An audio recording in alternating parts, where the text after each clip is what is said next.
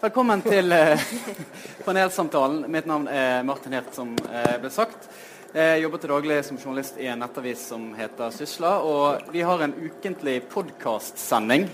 Eh, og denne samtalen er da vår første live podkast, så den ble òg tilgjengeliggjort eh, i morgen i sin helhet. Eh, jeg sa til Jannicke at eh, jeg kommer ikke til å kryssklippe henne, men eh, hvis hun sier noe dumt, så kommer jeg heller ikke til å klippe det vekk.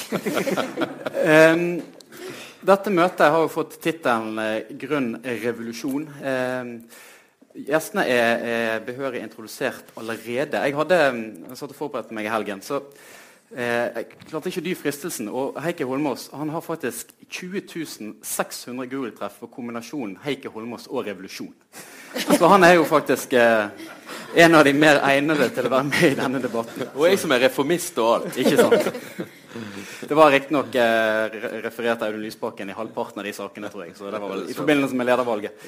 Um, vi skal åpne for spørsmål etter hvert. Eh, nå har vi hørt et bakteppe som er gitt av, av Tore og Lars Henrik. Jeg har lyst til å begynne med de må sånn umiddelbare reaksjonene eh, etter, etter, dette bakgrunnsteppet. Så kan vi begynne med deg, eh, Jørgen.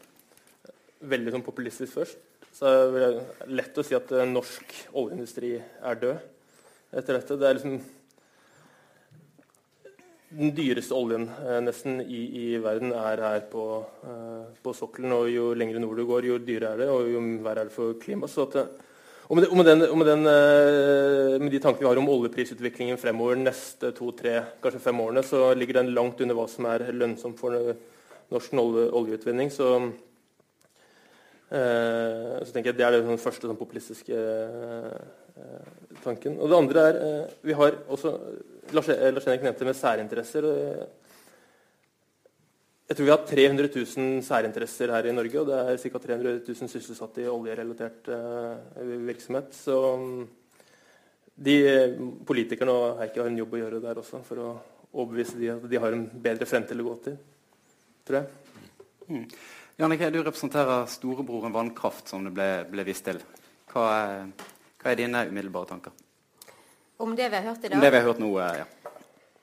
Altså, jeg er jo liksom evig optimist. Da. Jeg tenker at uh, det vi hører om, og den, de ressursene som vi har på Vestlandet, gir oss utmerkede muligheter til å ta tak i dette. Uh, norsk vannkraft uh, er i en særstilling som gir oss mulighet til å løse disse utfordringene. Vi kan, vi kan løse de teknologisk. Vi har et sterkt finansielt miljø i, vest, i vest Eh, vi har gode kompetansemiljøer, vi har gode utdanningsinstitusjoner. Nå, nå, nå, kommer jeg til å si noe til han igjen. Ja, kjør på. Vi mangler liksom den eh, politiske eh, drivkraften i dette. Vi trenger et er, det, er det deg det står på, Heike?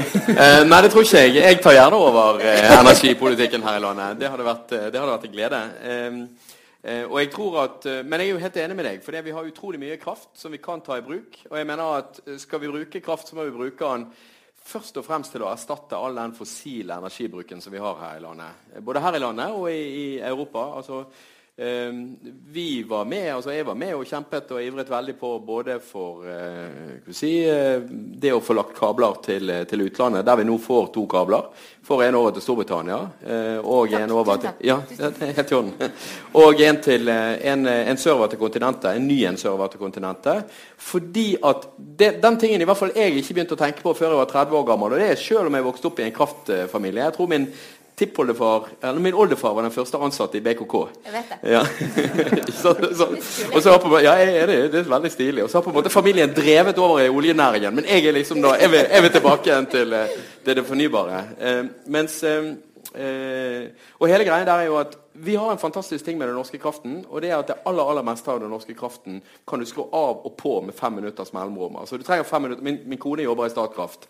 og sittet og på en måte tatt imot de der telef telefonene som kommer, der, der, de sier nå trenger vi noe mer kraft der og der. Fordi at det er litt annerledes. Eh, behovet er litt annerledes enn det det, det hadde vært. Og så skrur de bare på noen knapper, og så er du i gang med kraft.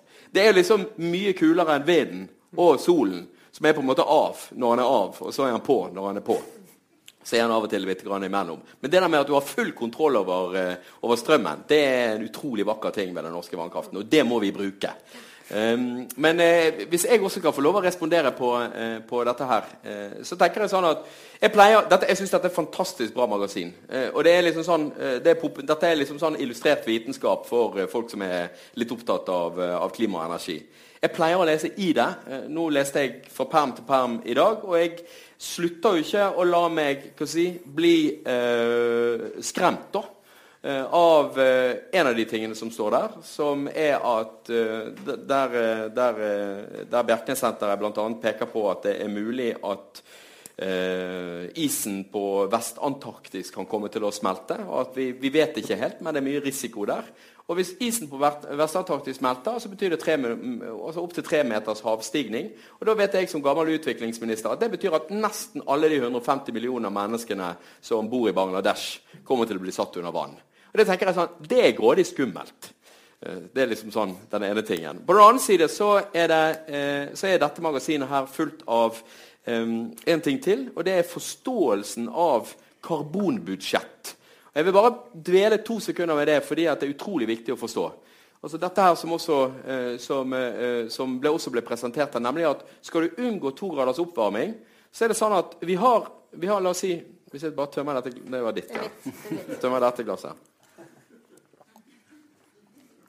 Hvis du tenker deg at du har ett at dette er det gjenværende karbonbudsjettet, så mye er det vi har igjen å bruke. Så skal du si det sånn at Verdens fossile ressurser det utgjør omtrent en sånn full flaske. altså en, Minst fem ganger så mye som det vi har plass til oppi det glasset. Og Da sier det seg sjøl at hvis du liksom bare fortsetter å helle oppi og bare fortsetter å helle oppi Kan noen hente en klut? Sant? Du bare fortsetter å helle oppi, så går det galt. Sant? Og Det er poenget med karbonbudsjettet at hvis du, hvis du, har mye mer olje-, kull- og gassressurser enn det du har muligheten til å slippe ut i atmosfæren, så blir det på et eller annet tidspunkt fullt, og så får det katastrofale konsekvenser. Og Den forståelsen er det utrolig viktig å ha med seg. Og Det siste jeg skulle si er at det er mye håp her. Det er håp, og Vi sitter altså og behandler nå både offshore vind i Stortinget, og vi skal bli enige i energi- og miljøkomiteen i morgen. Jeg er veldig tilhenger, og vi har lagt inn i våre budsjetter at vi skulle hatt råd til en fullskala eh, demonstrasjonsanlegg for vind. Og vi Her kommer det noen og rydder opp etter SV-ene. og, og, de, og, de, og de andre, den andre tingen vi behandler i morgen, er en ting som alle som har reist opp til Sogn og Fjordane ja, det er greit. Alle som har reist opp til Sogn og Fjordane vet om, nemlig at vi har bygget verdens første elferge i Hordaland. Og jeg leder det arbeidet på Stortinget med å behandle det elfergeforslaget som ligger der. Jeg, eh, jeg, kan ikke si hva det er, for det er hemmelig frem til klokken 12.30 i morgen hva det er vi bestemmer. Men jeg vil i hvert fall si at mitt, min plan er å sørge for at dette er, det kravet til null- og lavutslipp på fergestrekninger ikke bare skal gjelde de 17 statlige fergestrekningene, men skal gjelde alle de 113 fylkeskommunale fergestrekningene også. Og I så fall så betyr det mer arbeid til å utvikle en industri på Vestlandet da, eh, som, jeg som jeg har fremtiden foran seg. kan konkludere med etter den første runden at dette blir mer en trivelig samtale enn en debatt, og at uh, Heikki Holmås brukte opp all taletiden sin ja, ja, første anledning. det var skryt, da. ja. Kan jeg spørre om han om noe?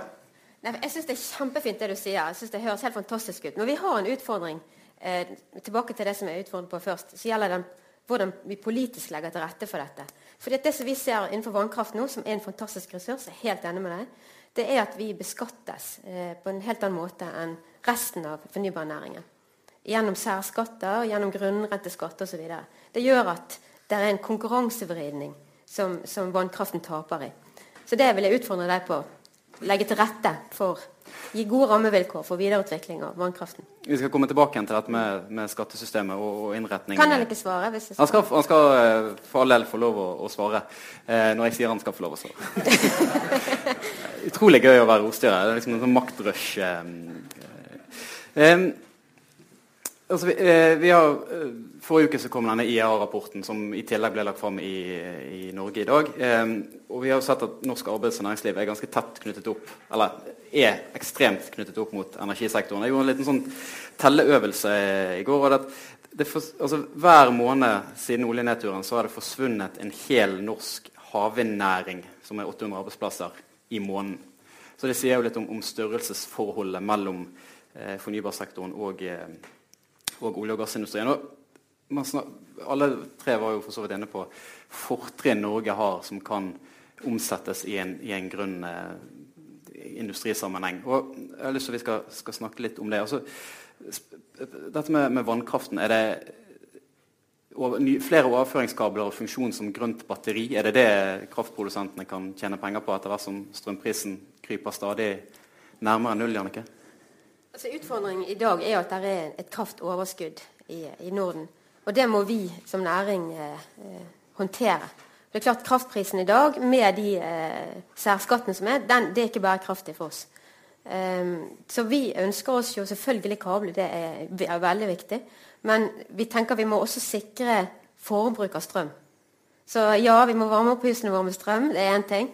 Men det er klart at eh, elektrifisering av sportssektoren, som, som, du også er inne på, det gjelder ferger, og det gjelder biler og det gjelder båter, alt det er viktig. Og vi ser jo også nye, ny næring for kraftkrevende industri Altså Hvordan kan vi utnytte de lave prisene for kraftkrevende industri? Og også innenfor andre nye områder. Så det er masse spennende å, å bruke strøm på, for å si det sånn. Mm.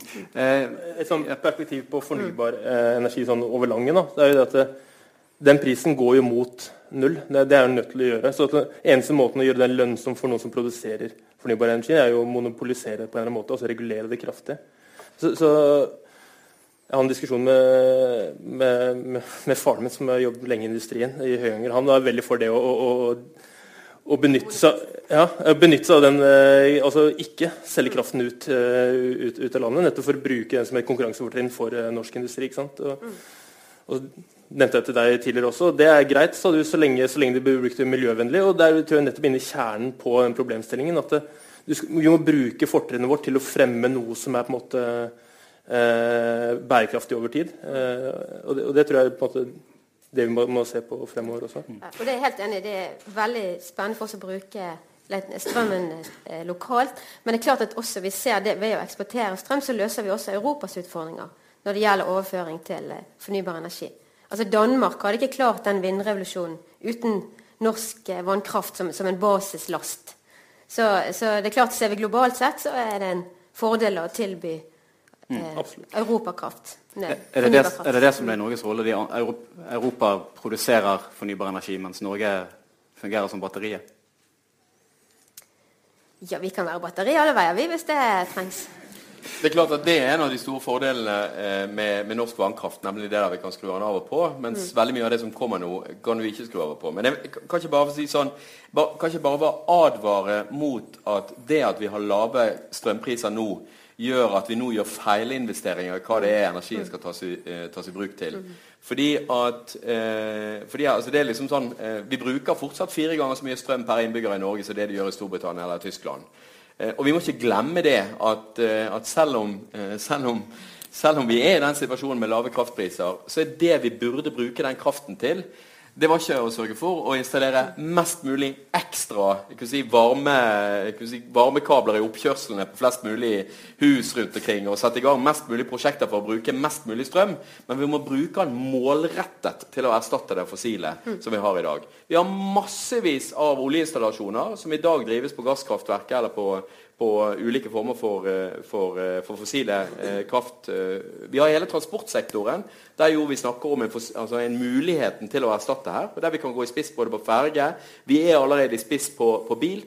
Altså, jeg, er jo først og fremst bitter på at elbilsalget nå har flatet ut og gått litt ned det siste året, istedenfor å fortsette oppover gjennom å gjøre fossilbilene dyrere, så kunne vi ha fått enda flere elbiler inn og nettopp tatt denne kraften mm. i, i, bruk. Og så er det den siste, og det er å ta kraften i bruk i industrien til å erstatte det, det fossile bruket av, av, som, vi har, som, vi har, i dag. Men vi må gjøre det. Vi må ikke sette i gang massevis. Altså, vi må ikke oppfordre folk at nå skal dere kaste ut alle biopelletsovnene og installere flest mulig nye panelovner fordi at det er det som er fremtiden. Da syns jeg vi lurer folk i feil retning. For strøm er helt fantastisk. Du kan ikke fyre mobiltelefonen på, på pellets, altså. Men du kan fyre, du kan fyre hjemme på ovnen din på pellets. Altså det, det, du, det, du, snakker om, det er å erstatte fossil eh, drivstoff, ikke på toppen. Ja, og det er helt, helt enig med deg. Ja. Bra. Vi er på linje. Vi er på linje. Og så må vi huske en ting, og det er at det de gjør i Sverige nå altså Det at kraftprisen er så lav nå, det bruker de i Sverige til målrettet å fase ut kjernekraften sin i Sverige. Mm. Det må ikke vi glemme.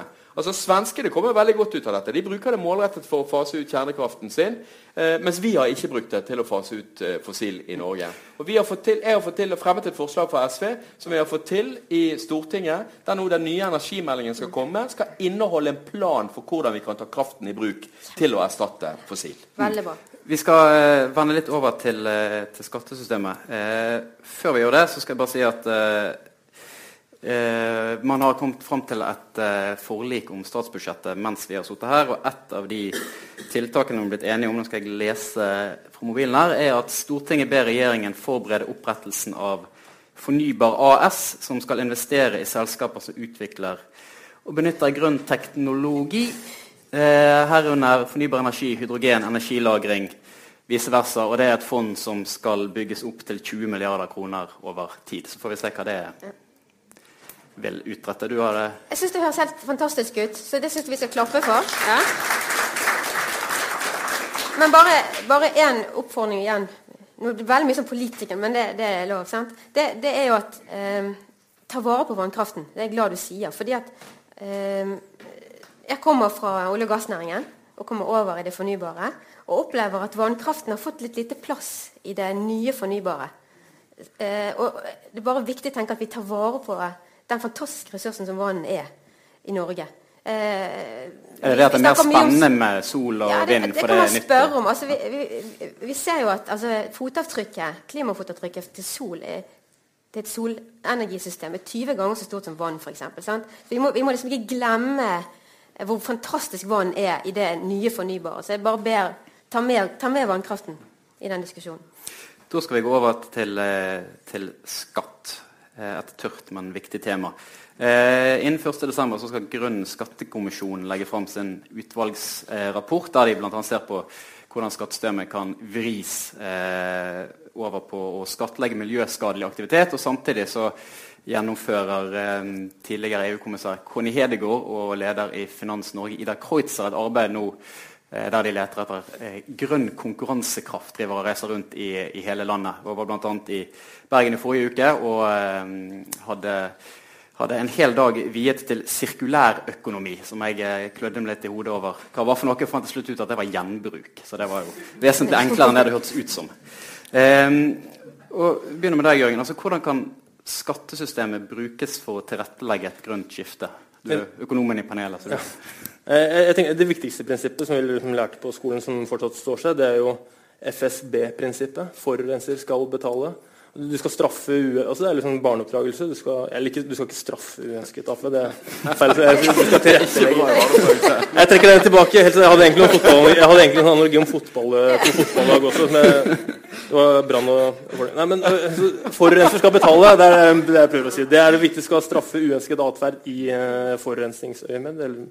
Og så skal du på en måte fremme ønsket atferd gjennom f.eks. at du, du, gjør eh, det billigere å kjøpe elbiler. Du gjør det dyrere å kjøre gjennom, gjennom, gjennom bomringen uh, i rushtiden f.eks. Det er uh, en klassisk uh, vel, og Skatteøkonomi innenfor klima er jo egentlig banalt enkel. ikke sant? Det, er jo, så er jo åpen, det åpenbare er jo ofte det riktige svaret. Mm. Men, sånn så, nå er ikke de direkte inn i skattesystemet, men ta elsertifikatordningen, der produsenter av vindkraft får et påslag eh, på, på, på, salgsprisen, sånn at det blir mer lønnsomt. Hva tenker du om det, når du sier at forurenser skal betale? Det er egentlig det motsatte. Ja, det, det, er det motsatte. Vi skulle hatt diskusjon om dette i en tidligere podkast som folk kan høre på. Da var jeg, da var jeg Produktplassering. Da var jeg jo negativ til det nettopp pga. at du kan finne andre måter uh, å fremme det samme. Uh, fremme det, få, få, få ja, samme ønsket effekt, men uh, med en bedre løsning. For det du gjør, da, du gjør det billigere for de som produserer mest mulig forurensa. De får lavere priser og, be, nei, lavere priser og be, mindre skatt på, på, sin produksjon. og, og og mindre kostnader for dem. Så du, liksom, du tar ikke vekk den type produksjon, men selv om du fremmer samtidig grønn produksjon. Så du kunne kanskje innrette det på en annen måte også. Mm. Eh, Heikki, nå, eh, nå, skal vi presisere for alle at eh, du ikke sitter i den regjeringen som innførte denne økningen i eh, i særskatt for vannkraften i, forrige, eh, i inneværende statsbudsjett. Men eh, hva, hva, tenker du om den utfordringen du fikk fra, fra Jannicke i sted? Nei, altså, jeg kan ikke bare si sånn, altså Grunnrentebeskatningen, da. Eh, dette, kan, dette, har jeg jobbet en del med. Vi, vi økte nemlig grunnrenterbeskatningen i den perioden jeg satt i regjering også. Eh, Riktignok litt grann tidligere. Det var med, kraft, kraftprisen var på et høyere nivå. Um, uh, jeg mener at altså, Vannkraften er en fantastisk ting, og vi må sørge for at den kommer fellesskapet til gode. og En del av, av måten å gjøre det på er gjennom beskatning, altså en egen grunnrentebeskatning. Vi har, Hvor mye er det nå for oljesektoren? Blir det da 55-57 altså det, blir jo, det er jo endring her nå. det er jo, skal vi se, bare tenke meg om, 50, 53% grunnrentebeskatning på, på, olje, og så blir det nå 31 på dere? Altså, vi er, Vannkraften er høyere beskattet enn fossil brensel. Jeg får si brensel, ja. Mm, eh, men, altså, men, poenget er jo altså, denne altså, Han er jo skattlagt ved at fellesskapet får pengene som, som, ligger i at vannet regner ned på jorden, og at det er rimelig at utbygde eh, kraftverk en del av de ressursene Det er ikke liksom dere som er geniale som har funnet på dette kretsløpet. Det er jo på en måte, og Derfor er det rimelig at vi får en del av disse pengene. For å si sånn, eh, si sånn, og de kommer jo både Bergen kommune til gode og oss til gode og alle andre. Men, men det jeg mener, hvis jeg skal si en ting om dette, så mener jeg det viktigste vi som politikere kan gjøre, er å sørge for at kraftpris kraftprisene går opp gjennom at vi tar kraften i bruk til å erstatte fossil. Og det andre vi skal gjøre, er at vi skal fjerne en del av de supersubsidiene som finnes på oljenæringen. Mm. For oljenæringen kommer nemlig bedre ut ja. av denne runden som, med omlegging, som er, er beskrevet på, på Klimastiftelsen sine fine hjemsider. Eh, eh, og, eh, og, det er helt meningsløst. Altså, kommer ut med 630 millioner kroner i pluss i en tid der vi prøver å dreie vekk fra fossil og over i, i, fornybar. Så jeg vil si Det er det viktigste. Men den andre tingen som er viktig, det er å sørge for å øke CO2-avgiftene. Fordi at det vil styrke de fornybare alternativene sin konkurransekraft opp mot det fossile. Nå hørte jeg at nå kommer elavgiften til å gå opp. Men jeg vet, ikke om, jeg vet ikke om Venstre har fått til at CO2-avgiften har gått opp like mye. Det er kanskje noen i forsamlingen som følger med på Internett. Men jeg mener det å øke elavgiften uten å øke CO2-avgiften det blir helt meningsløst i en tid der vi ønsker å dreie forbruket fra det fossile til det fornybare. Jannicke? Ja, jeg må jo bare få lov å kommentere på akkurat det med at eh, vi, det ikke var ikke at det regner, men det er heller ikke var ikke at det er sol og vind. Og de får store subsidier i dag, sånn som det er. Slik at vi konkurrerer med sterkt subsidierte eh, energialternativer. Og det, det, er ikke bærekraftig i forhold til vannkraften i hvert fall. Men det er bare delvis riktig. Fordi at dere får også de samme grønne sertifikatpengene som det de som bygger ut sol nei, og vind får? Nei, nei, nei. Nei? Nei. nei. nei. nei. Ikke for eksisterende vannkraft, men for ny vannkraft så får dere det jo. Nei, nei. men også oppgradering av eksisterende vannkraftverk, f.eks. når dere okay, vi kan, vi, vi, kan ta og regne på dette, her, men det er ja, ja. Nei, så, det er jo litt temperatur likevel. Begynner å snakke om bunnlinjen, da. Ja, det er faktisk saken. Ja. Det er bra. Um, um, vi skal eh, begynne å opp, uh, åpne opp for spørsmål fra salen. Men en ting jeg har lyst til å, å komme litt inn på før vi gjør det, og det er jo i, i, Tyskland så får stadig flere sol på sitt eget tak. Man har et batteri i eh, kjelleren, og Elon Musk eh, lanserte dette Powerwall-batteriet, som er en av mange løsninger, selv om han får mesteparten av presseoppmerksomheten eh, for det. Eh, og, og, denne det, eh, At man får veldig mange små kraftprodusenter, eh, primært i, i, Tyskland. Men det begynner jo etter hvert i hvert fall å komme noen pionerer i Norge. Når jeg, jeg intervjuet deg når du ble ansatt, eh, Jannik, eller når det ble offentliggjort. Og da sa du at energimarkedet er i endring, og BKK må ligge i forkant. Hva tenker du spesifikt på da, og ikke minst hvordan skal dere ligge i forkant? Altså Det du beskriver, er jo såkalte lokale energiløsninger. Og BKK har allerede en satsing på det. Eh, I tillegg så er vi, igjen, vi er midt i en strategiprosess for å se hva, hvordan, skal BKK, hvordan ønsker vi å være en del av fremtidens energisystem. Vi tror at vannkraft er i sentrum av det, men så er det noe mer enn det. Og det er vi jo innom når det gjelder sol og vind og lokale energiløsninger. Men hva som kommer ut av den energi, uh, strategiprosessen, det kan vi ta en prat om litt senere. Det skal, skal vi nok følge opp. Eh, Jørgen, er, er norske kraftselskap eh, Vi har snakket tidligere om at eh, med kommunale eiere som tar ut utbytter, at de gjerne ikke er like rustet for å foreta de oppgraderingene og investeringene som man gjerne skulle ønske. Altså, burde norske kraftselskap hatt private eiere i større grad? Det, er et vanskelig spørsmål å svare på, men det er på en måte hva som er mest fornuftig. Men du bør i hvert fall ha eiere som uh, fokuserer på lønnsomhet over tid. Uh, og, det, kan godt være private eiere, uh, men de, må i hvert fall ha den kompetansen som kreves i, et, skiftende energimarked. Det er akkurat det som er til nøkkelordet, et skiftende energimarked. For det, som vi sa i også, at det er for lønnsomheten på fornybare energigoder over tid vil jo falle mot null hvis ikke man Eh, regulerer det på en eh, ganske kraftig måte. Så, så da kan vi på en måte enten være private eiere, men med en ganske kraftig regulering fra, fra myndighetenes side som en løsning. Mm. I, I, energikomiteen, Heikki, hvor mange, hvor mange, hvor mange av dere har lest IEA sin energirapport? tror du? Det vet jeg ikke. Jeg vil tippe at de aller fleste har lest sammendraget. Det er det vi pleier å gjøre mm. eh, av, av, rapporten. Det som er viktig å si om IEA, er, og som også det står en del om eh, både i denne, dette heftet, det står litt om det i dette heftet, men også, også står om i, i, eh, i Lars Bjartnes sin siste bok eh, om, eh, om, det grønne skiftet, det er å peke på hvordan de som spår om fremtiden, og som har beina godt plantet i den, si, den fortidens industri, eller den fossile industrien, undervurderer betydningen og nyinvesteringen i fornybar energi. Og Der er det bare sånn at, eh, at, bare sånn at sol og, og, vind, men særlig sol de siste årene, fullstendig sprenger alle de prognosene som ligger. Og der, eh, der eh, prisene som man opererer med på, hva, på hva, hvor mye det koster å installere sol Det man spår, er at man spår altfor liten prisnedgang. Skjønte dere den siste? Den var litt, jeg forklarte litt dårlig. Altså, prisnedgangen er mye større enn det som spås. er vel den presise måten å si det på. Og det var fascinerende. Jeg var akkurat og vi var med energi- og miljøkomiteen i, i Sør-Afrika, der de hadde ute anbud.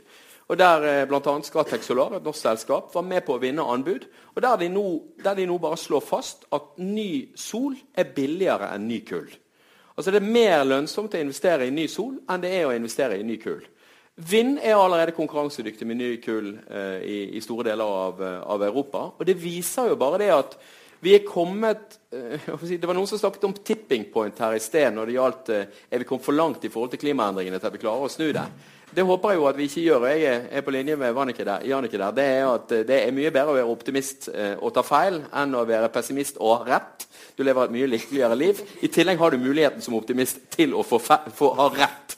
Og det, det, tenker jeg det er liksom verdt å, å, å jobbe for. Men vi er i hvert fall kommet til tipping point når det gjelder fornybar energi. Fordi at Når fornybar energi nå er konkurransedyktig med fossil energi, når det er konkurransedyktig med olje, med kull, i stor grad, da er det bare snakk om å sørge for å rigge mekanismene til å drive dette her igjennom. Men, men hvordan, hvordan, kan norsk næringsliv ta del i det? Altså det nå I 2014 så var det 8 milliarder kroner i fornybar eksport fra norske bedrifter, og 210 ca. fra olje og gass. Altså, det er jo fint og flott at markedene vokser i utlandet, men er ikke det et problem at norske bedrifter ikke i tilstrekkelig grad får ta del i den kaken? Altså, hva, hva kan, hvilke muligheter har vi egentlig? Altså, er havvindtoget godt når, eh, når, det ikke ble noe av eh, Vestervind Offshore sitt, sitt Jeg tror i hvert fall vi skal ha uh, det, det, er umulig å tenke seg at vi skal være så begunstiget en gang til som vi var med, med oljenæringen. Det, var en altså, det har jo vært helt fantastisk for norsk økonomi eh, i mange år, og kommer sikkert til å være det noen år framover. Men at vi skal få den samme flaksen en gang til. Nå er vi på en måte nå har konkurransen begynt på ny, kortene er delt på ny, og, og, og, nå konkurrerer vi mot USA, vi konkurrerer mot Kina, vi konkurrerer mot Europa, som på en måte alle har lyst til å dele den nye, nye energiplattformen. Jeg tror ikke vi skal på en måte håpe på at vi skal ha noen fortrinn der sånn utover. De naturlige fortrinnene vi har kanskje her i Norge og på Vestlandet. Jannicke, du har jo uh... Jeg er optimist gjerne, jeg også. For det er klart at vi har uh, Oljeindustrien har vært et fantastisk teknologieventyr. Eh, vi kan bruke den kompetansen som ligger i oljeindustrien, som, som til dag dessverre er litt til overs noen steder, også inn i fornybarnæringen. Eh, vi, har, vi, er finansiell robust, basert på det vi har gjort innenfor olje og gass, som gir oss mm, finansiell styrke til å, å gjøre noe. For, det, for, innovasjon koster, det er det ikke tvil om. Og så er det igjen det politiske. Vi, altså Se hva Tyskland har gjort, som er beskrevet veldig godt i denne rapporten. Der er en politisk konsensus det er en vilje i folket, og da skjer det under også. Så, så ja, jeg er optimist, Men, Men, men, vi trenger driv fra, fra Men Er du optimist på ja. Norges vegne? Eller på, altså, jeg, er også optimistisk på liksom, verdens vegne at dette skal vi løse. Også, men eh, liksom, er vi på førersetet en gang til? Jeg er, ikke, jeg er, ikke, så sikker på det. Jeg tror ikke vi er i førersetet, men vi er med å forme vår vår, industri, vår energimiks. Og veldig mye av det har vi allerede på plass gjennom den vannkraften som vi har. Du har vel noen eh, gamle papirer på en havvindpark oppe på Nordmøre liggende i skuffen en plass òg, som du kan ta fram igjen på et Ja. tidspunkt. Ja, men, Eh, men, det, men det er jo et godt eksempel igjen, som, som Henke sier. Det, er jo, det viser jo på en måte den, den, eh, at, hvordan vi har tatt ned enhetskostnadene på havvind. Det kommer til å fortsette å gå ned. Så, så eh, en, ja. en kort kommentar fra Heikki før vi åpner for spørsmål. Og så meldes det fra salen at CO2-avgiften ikke økes. Så da vet Men det fra salen, rett og slett. Det er veldig interaktivt. Jeg, eh, eh, jeg, jeg mener at det finnes muligheter for, for Norge her. Og jeg mener sånn, vi skal, Som politikere skal vi være forsiktige med å, si, med å prøve å plukke vinnere i næringslivet. Det mener jeg liksom generelt. Men jeg mener at når vi har store oppgaver som må løses, enten det gjelder å løse kreftgåten eller det gjelder å løse de farlige klimaendringene, så handler det om at vi må faktisk putte pengene våre og kapasiteten vår der. Der mener jeg, der, er- der er det et par steder der jeg ser for meg, og der det også er behandlet en del av i, i dette. Jeg mener at vi har muligheten til å være helt i spiss når det gjelder nullutslipp i transportsektoren. Nå, det, det søkes nå blant de fremste kompetansemiljøene i Norge om å få lov å være et sånn FME, et sånn drive på, eh, på eh, nullutslipp i transportsektoren, på batteriteknologi, på, eh, eh, på det som handler om å ta hydrogen i bruk. Jeg, jeg tror at det, der kan det ligge muligheter for oss.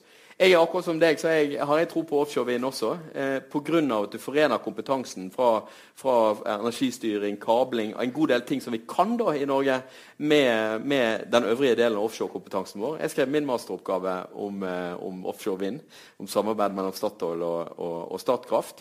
Men det er jo stusslig da å se at Statoil sin første pilotpark går til Skottland istedenfor til Norge, pga. at vi på norsk side ikke har vært villige til å være med på å utvikle vårt eget næringsliv og, eh, og la på en måte den, eh, den driven skje i Norge. Og det, Da er det jo riktig å si sånn altså Heller ikke energibransjen altså Dere er jo ikke akkurat i front og dytter på for å si vi skal ha mer strøm i Norge. Men det vi trenger da, så jeg mener Hele energibransjen i Norge går inn for å avvikle sånn støtte til fornybar energi i eh, Norge fra og med 2020. Men jeg mener at da må vi i hvert fall tenke nytt og være med på å si la oss sette av disse pengene som vi nå har brukt til ny fornybar energi, til ny fornybar industri istedenfor, sånn at vi kan få et drive videre fremover og være med på dette her videre. ja, To korte innspill, og så kan folk begynne å strekke hendene i været. Nei, jeg er helt enig. Jeg bare kom på et, kom på et nytt uttrykk mens jeg sto her. Og Det var liksom det der med at uh, vi må bruke de fantastiske ressursene vi har på Vestlandet. Vi trenger ikke gå over bekken etter vann. Du, du kom... Nei, jeg jeg vil bare, jeg vil bare avslutte med at det, altså, pengene er en tendens til å gå dit hvor de kaster mest av seg. og, og og Det å på en måte synliggjøre de, kost, de negative kostnadene med eh, klimafiendtlig eh, produksjon, og, og ikke minst også synliggjøre også den lønnsomheten over tid med de klimavennlige produksjon også eh, skaper, tror jeg er en, en eh, nøkkelsuksess. Da var det første spørsmål. Gudrun Mathisen, vær så god. Ja, takk. En spennende debatt. og Jeg gleder meg til å lese magasinet. Et spørsmål til deg, Heikki. Det er eh, altså Det jeg er opptatt av, det er hvordan kan vi bruke den fornybare energien. Altså Vi skal ha en energiomstilling. Hvordan kan vi fase ut eh, fossil i offshorebransjen, i skip og ferjer osv. Der har vi et problem, og det er regelverket. Pengene er én ting, men regelverket er ikke egnet. Når kommer det et nytt mandat til Enova? Enova sitt mandat gjør at vi ikke får finansiert disse ferjene som vi nå ønsker å få ut på de nye anbudene. Så vi har et finansielt problem fordi regelverket ikke er der. Eh, det er juridiske ting som stopper dette. Det er ikke egentlig pengene. Pengene fins. Enova sitter jo på en enorm, et enormt fond. Pengene blir ikke brukt fordi regelverket ikke er der. Og Da vil jeg utfordre Stortinget. Dere klarte på rekordtid jeg vet ikke om SV var med på det, å lage en lovendring pga. den store innstrømmingen av asylanter til Norge. Tenk om man kunne være like rask i å endre regelverket, sånn at vi virkelig kan få brukt eh, fornybar energi der hvor vi ønsker det. Ok. Jeg, jeg kan, eh, Uten å røpe for mye, så kan jeg si at vi i hvert fall fra energi- og miljøkomiteen sier veldig klart ifra eh, knyttet opp mot transportnæring og, og ferge, fergetrafikken og, eh, og rutebåttrafikken at der må støtteordningene og det nye Enova-regelverket som du snakker om, det må være på plass, sånn at du sikrer en fortsatt omstilling av ferger og, og, transportsektoren og, og nærskipsfarten til, til nullutslipp og lavutslippsløsninger. Så Vi sier veldig klart fra om det. Men dette kommer etter det nye regelverket for Enova kommer jo etter at Stortinget først blir forelagt, en, eh, blir forelagt en, en, energimelding fra Tord Lien som har vært forsinket. Men vi regner med å få den behandlet i løpet av neste år. Da var det spørsmål der. Jeg har ikke registrert flere hender. Der var en bak. Da får du eh, siste spørsmålet. Der. Vær så god. Det er en blanding mellom spørsmål og kommentarer. Da. Jeg er enig med, Jannicke Hitland at eh, vannkraft er en fantastisk ressurs. Da. Men egentlig så mener jeg at vi har bygget ut nok. Så det er egentlig det det dreier seg om nå, det er en uh, energieffektivisering. I hvert fall når det gjelder vannkraft. Og Hvis en tenker på dette med en energirevolusjon innenfor transportsektoren, så er det egentlig 8% av den totale produksjonen av kraft i Norge som skal til for å dekke behovet for en revolusjon. 6-7 terawatt innenfor uh, vanlig personbiltrafikk. Og spøter vi på med det som Gunnar Mathisen sier om ferger, og sånt, så er vi langt egentlig under 10% av det kraftbehovet.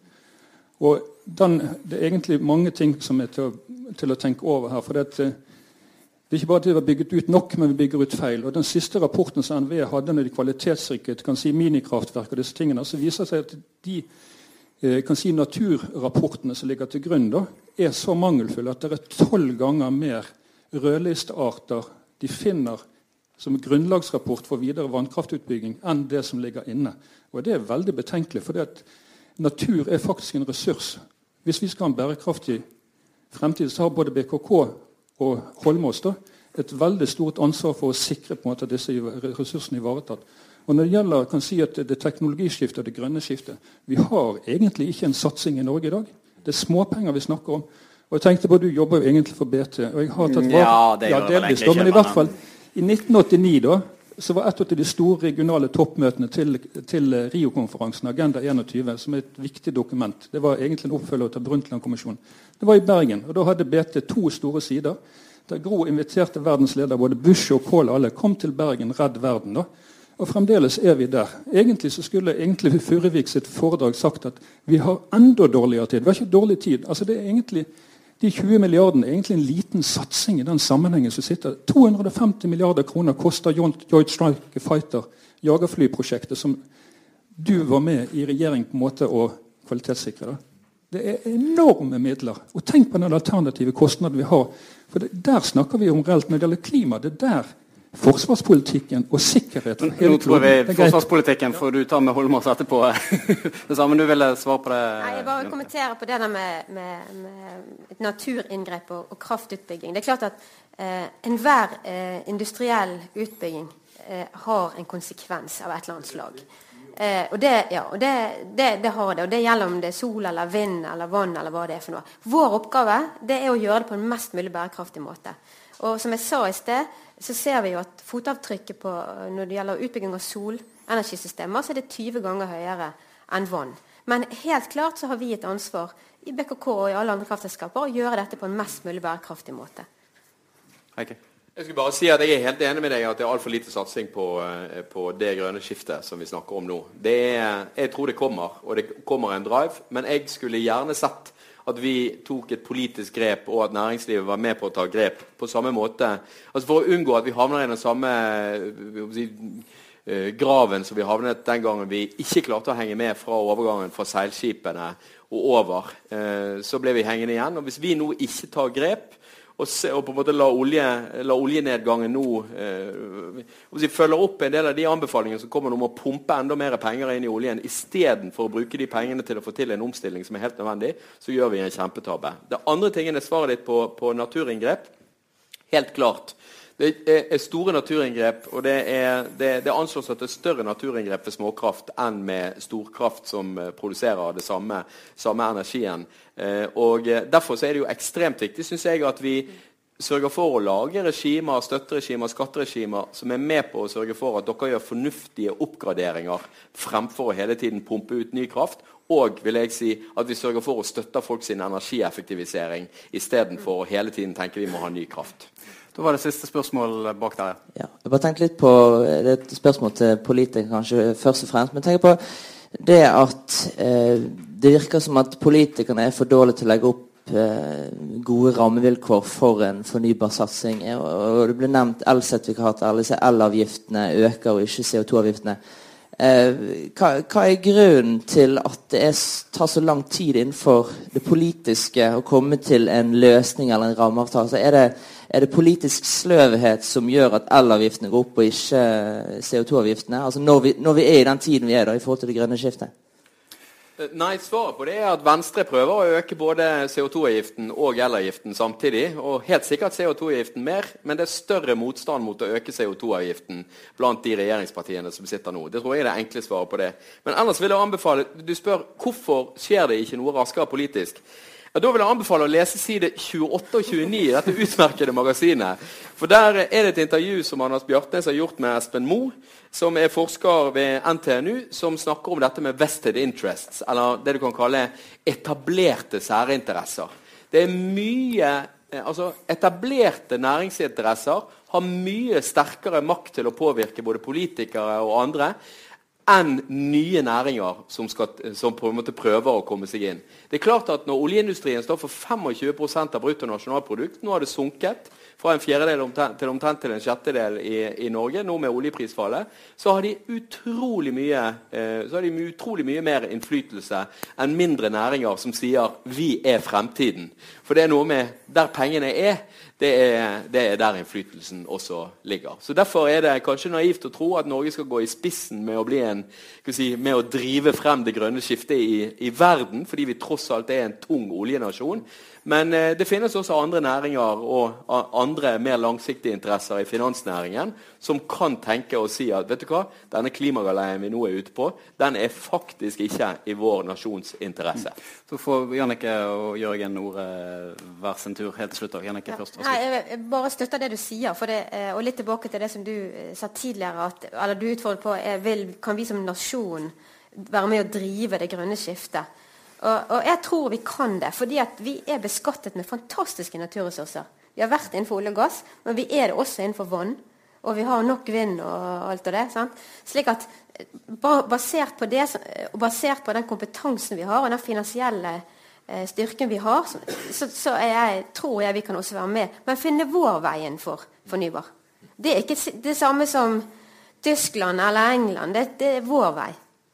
Jeg er også helt enig i det. og Det var noe liksom innledet med, at det, vi har noen særinteresser som bremser veldig opp. og, og ja, Både på sysselsetting er de store, og, og, og, ikke minst på BNP så er de fryktelig store. Men, så jeg, jeg, er også helt enig i at vi, vi, må på en måte fokusere på det vi har et naturlig konkurransefortrinn på. det er jo, vi har, vært, vi har vært veldig lenge på, gode på, på frakt. Gjøre den mer energieffektiv og, grønn. Vi har uh, vi har fiske, vi har på en måte stor kystlinje. Alt som på en måte er, tror jeg er de to viktigste næringene framover. Frakt og, og, mat er jo to grunnleggende behov som mennesker har, som vi kan eh, fortsatt uh, gjøre lønnsomt fremover.